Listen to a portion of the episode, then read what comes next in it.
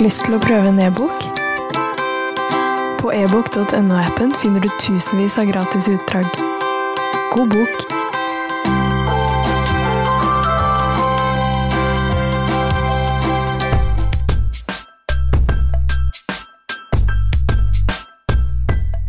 Velkommen til en ny pocketutgave. Det er VGs podkast om bøker. I mylderet av bøker om andre verdenskrig så dukka det nylig opp en svensk roman som satte oss litt ut. Steve Sem Sandbergs De utvalgte. En bok full av menneskelig ondskap.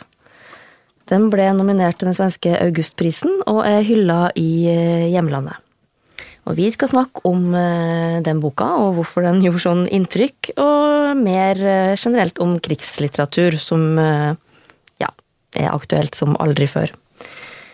Med oss i studio har vi historiker og VGs anmelder Guri Hjeltnes, som til daglig er direktør ved Holocaust-senteret. Hei, Guri. Hei, hyggelig å være her. Bra. Og VGs journalist Jon Harald Rydne, som gjennom mange års arbeid med saker om andre verdenskrig kan kanskje kalle seg en slags ekspert på krigen? Eller hva sier du, Jon Harald? Ja, jeg har i hvert fall lest veldig mye om det, men ekspert det for, tror jeg Guri får lov å kalle seg, som er faghistoriker. Det er jo ikke jeg, jeg er jo bare journalist, jeg. Du er jo interessert. Det er jeg absolutt. Men altså, midt oppi disse dokumentariske bøkene om, som utgis om krigen, så kom det altså nylig en svensk roman som du har sagt at gjorde vondt å lese, Jon Harald? Ja, altså boken handler jo om det helt ubegripelige faktum at i tillegg til å utrydde jøder og romfolk og alt mulig, så drev altså nazistene også og drepte barn. Mentalt tilbakestående eller sterkt handikappede barn ble altså systematisk drept helt de mest forsvarsløse skapningene som fins, ble altså ikke bare ble de drept, men de ble også utført medisinske eksperimenter på, av meget smertefull karakter. Så det gjorde vondt å lese om det, må jeg få lov å si. Mm. Og det her utspilte seg også på det som før krigen var Europas største psykiatriske klinikk, Am Steinhoff, som under krigen ble overtatt av nazistene.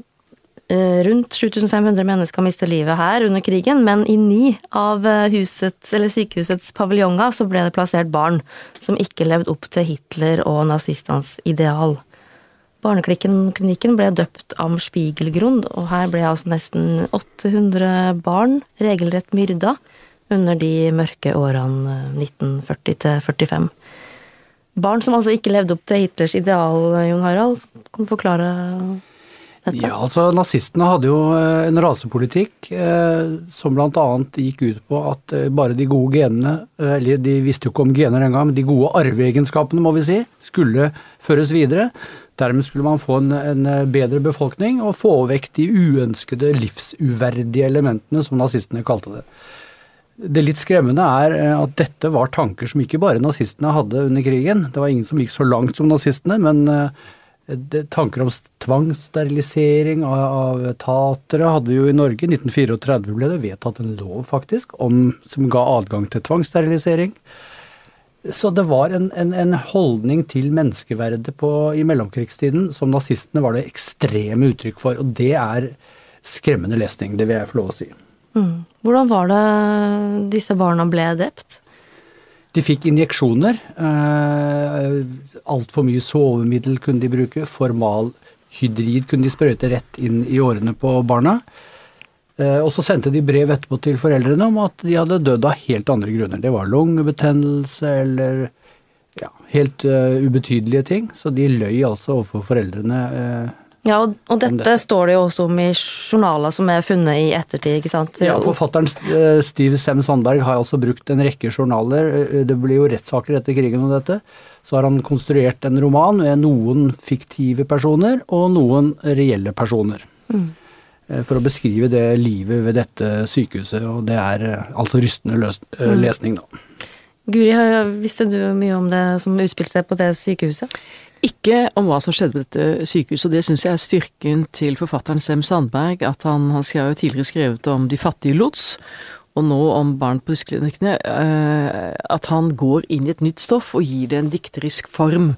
Men det vi vet, er jo at eh, handikappene var en av de tre eh, rasebiologiske gruppene som skulle utskilles og fjernes fra den tyske folkekroppen.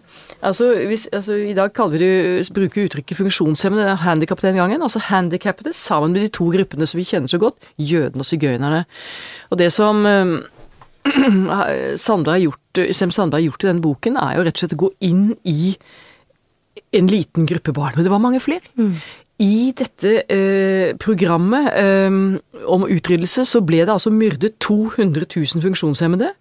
Og 400 000 ble tvangssterilisert mellom 1935 og 45.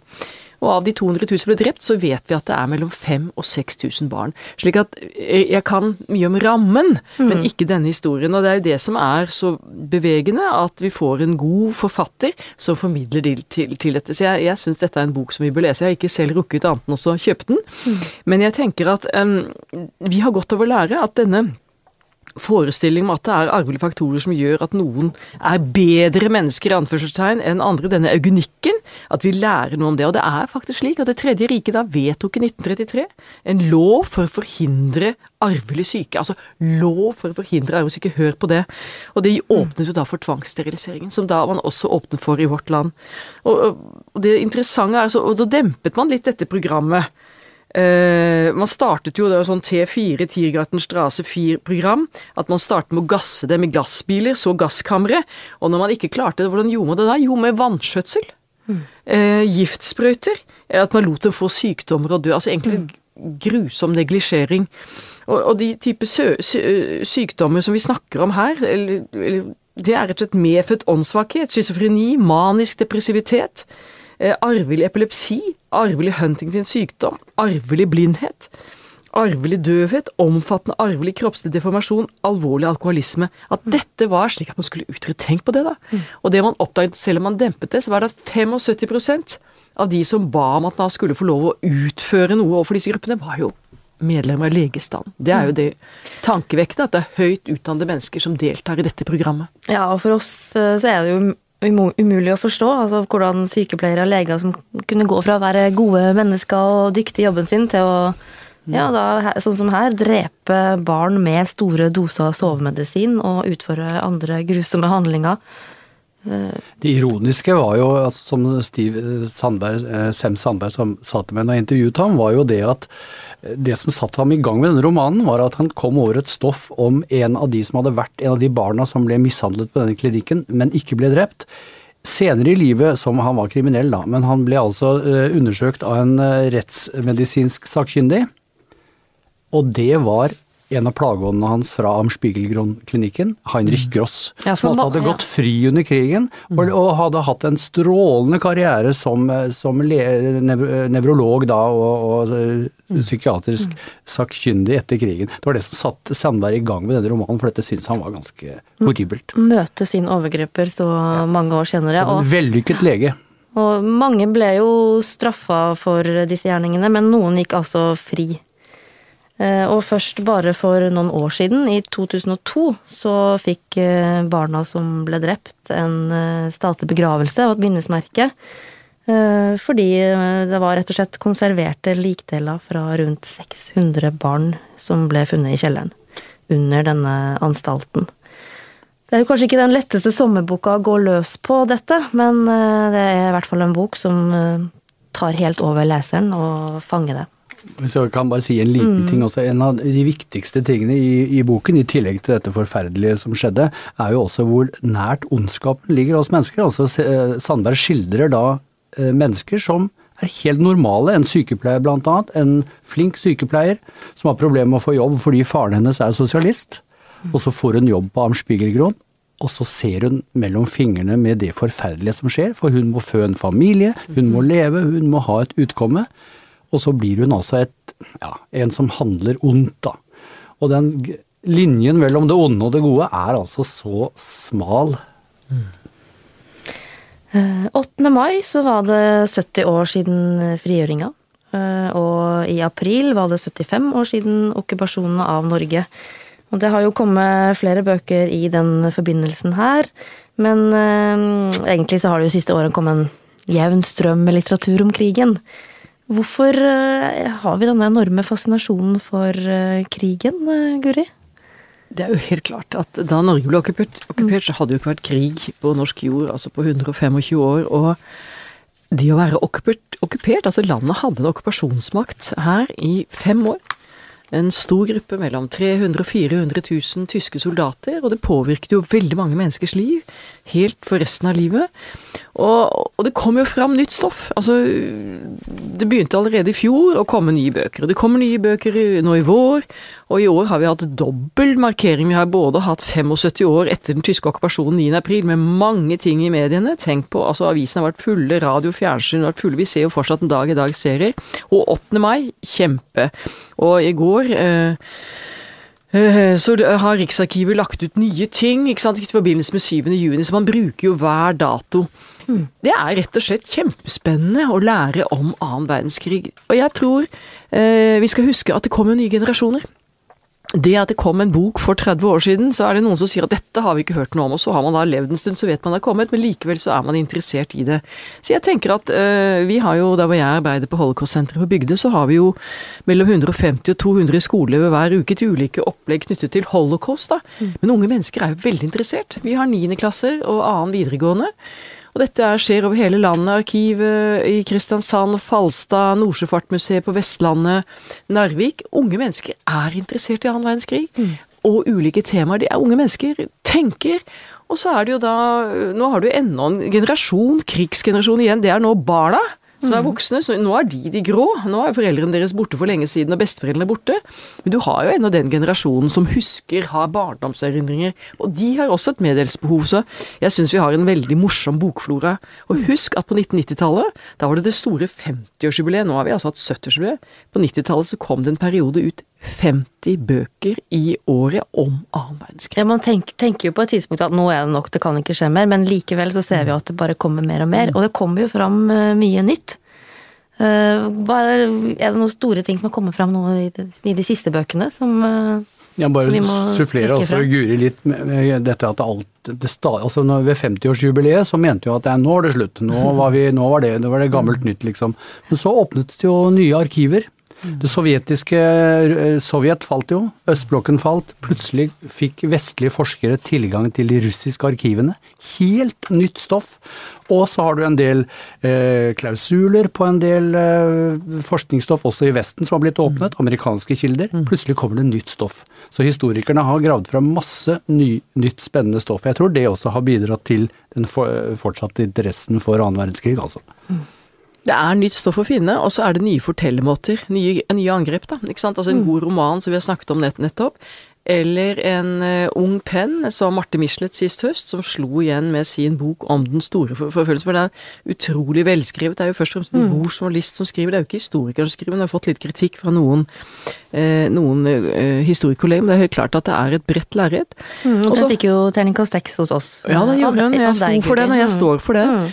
Og så tenker jeg på at hennes far, Jon Michelet, har jo nå hatt en fantastisk comeback med mm. sine romaner om krigsseilerne. Jeg har selv skrevet krigsseilernes historie, så ser jeg liksom at nå kommer da mm. Jon Michelet og skriver et romanverk med en enorm gjennomslagskraft i publikum, og jeg tenker at det er flott. For det betyr at disse historiene formidles på ulike måter. Mm.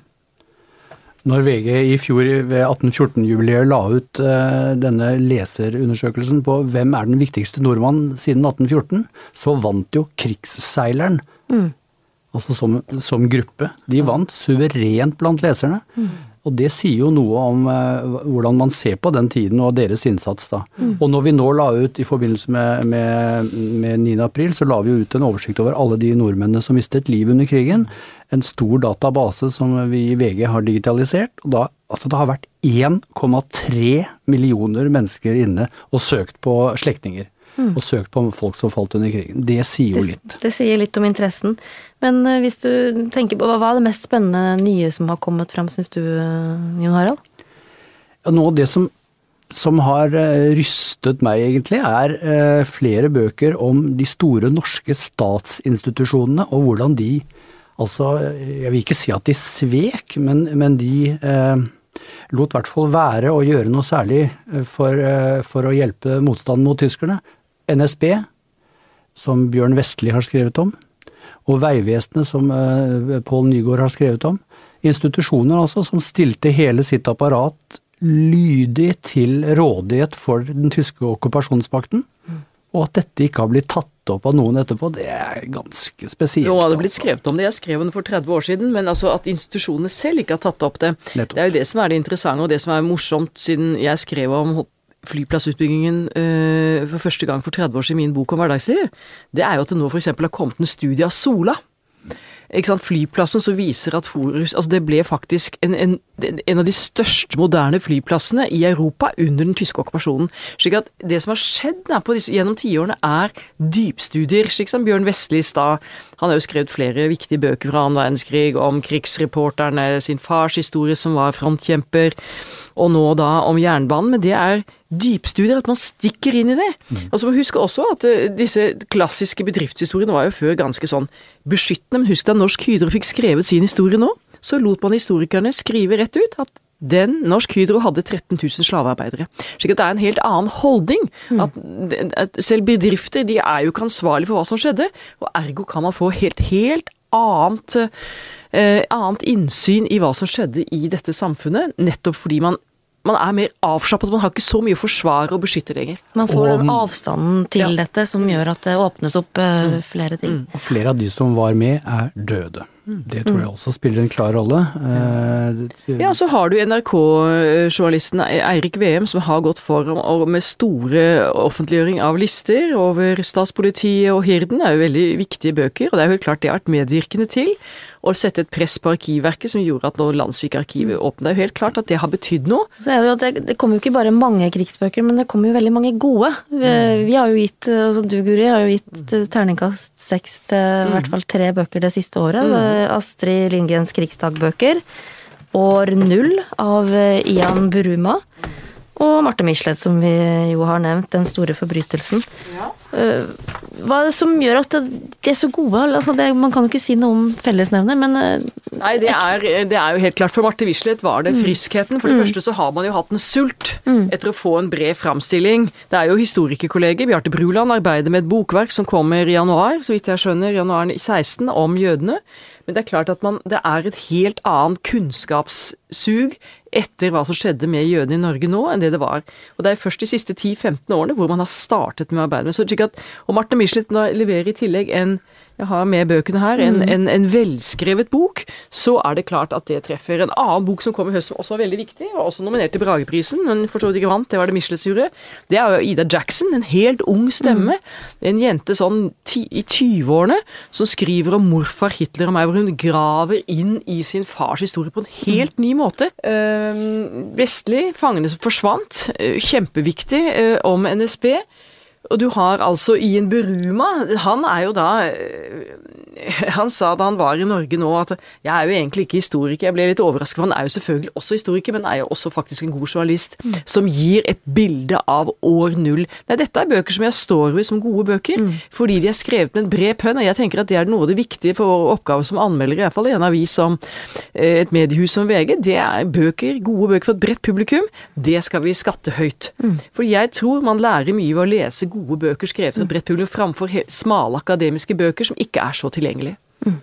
Nei, men det er klart, Historikerne må gjøre grunnforskningen. altså De må sitte i arkivene uh, uke etter uke, måned etter måned. Det er jo det som er grunnlaget for den folkeopplysningen vi i VG da kan drive. Popularisere. Noe ja. som Brumo har gjort. Uh, glimrende bok. En annen som vi snakket om før sending, Rudne, det er jo rett og slett Keith Lowe, 'Råskapens Europa', som også gir et sluttbilde uh, som jeg har brukt mange ganger i foredrag, vi har hatt mange foredrag nå i vår om, om krigen, det er uh, Det er ingen Det er ikke en happiness når freden kommer. Da er det 25 millioner mennesker på flukt i Europa. Det er altså 10 millioner uh, mennesker i Russland som ikke har, har noen hjem. I Tyskland er det 4 millioner ødelagte hjem fullstendig ødelagte, fire millioner skadede hjem, mange millioner på flukt. I Warszawa er det to fungerende gatelys. Altså jeg tror liksom den, og, og, og, beskrivelsen at du har jo på en måte du har tendenser til kannibalisme, ikke sant? for det er ikke mat, det er ikke drikke. Det er skadde, ødelagte mennesker. Så råskapens Europa, den derre Savage Europe heter det med engelsk, den, den, er også en som treffer. Bruma har en annen tilnærming. Den er på en måte ikke så direkte og rå, som, så, så, som Keith Lowe. slik at dette er bøker som utfyller hverandre. Mm, så vi ja. som er krigsfrike, vi, vi, henger oss over disse bøkene mm. som bare vi kan. Mm. Fordi det er flott å lese og lære noe nytt hver eneste gang. Mm. Da Lowe var i uh, Norge, så intervjuet jeg ham, og jeg spurte hva er det som, det, hva er det som gjorde mest inntrykk på, uh, på deg når du studerte dette med etter krigen. Og det var to ting. Det ene var den eks, ekstremt utbredte misbruket av barn. Mm som ikke vi tenker på. Mm.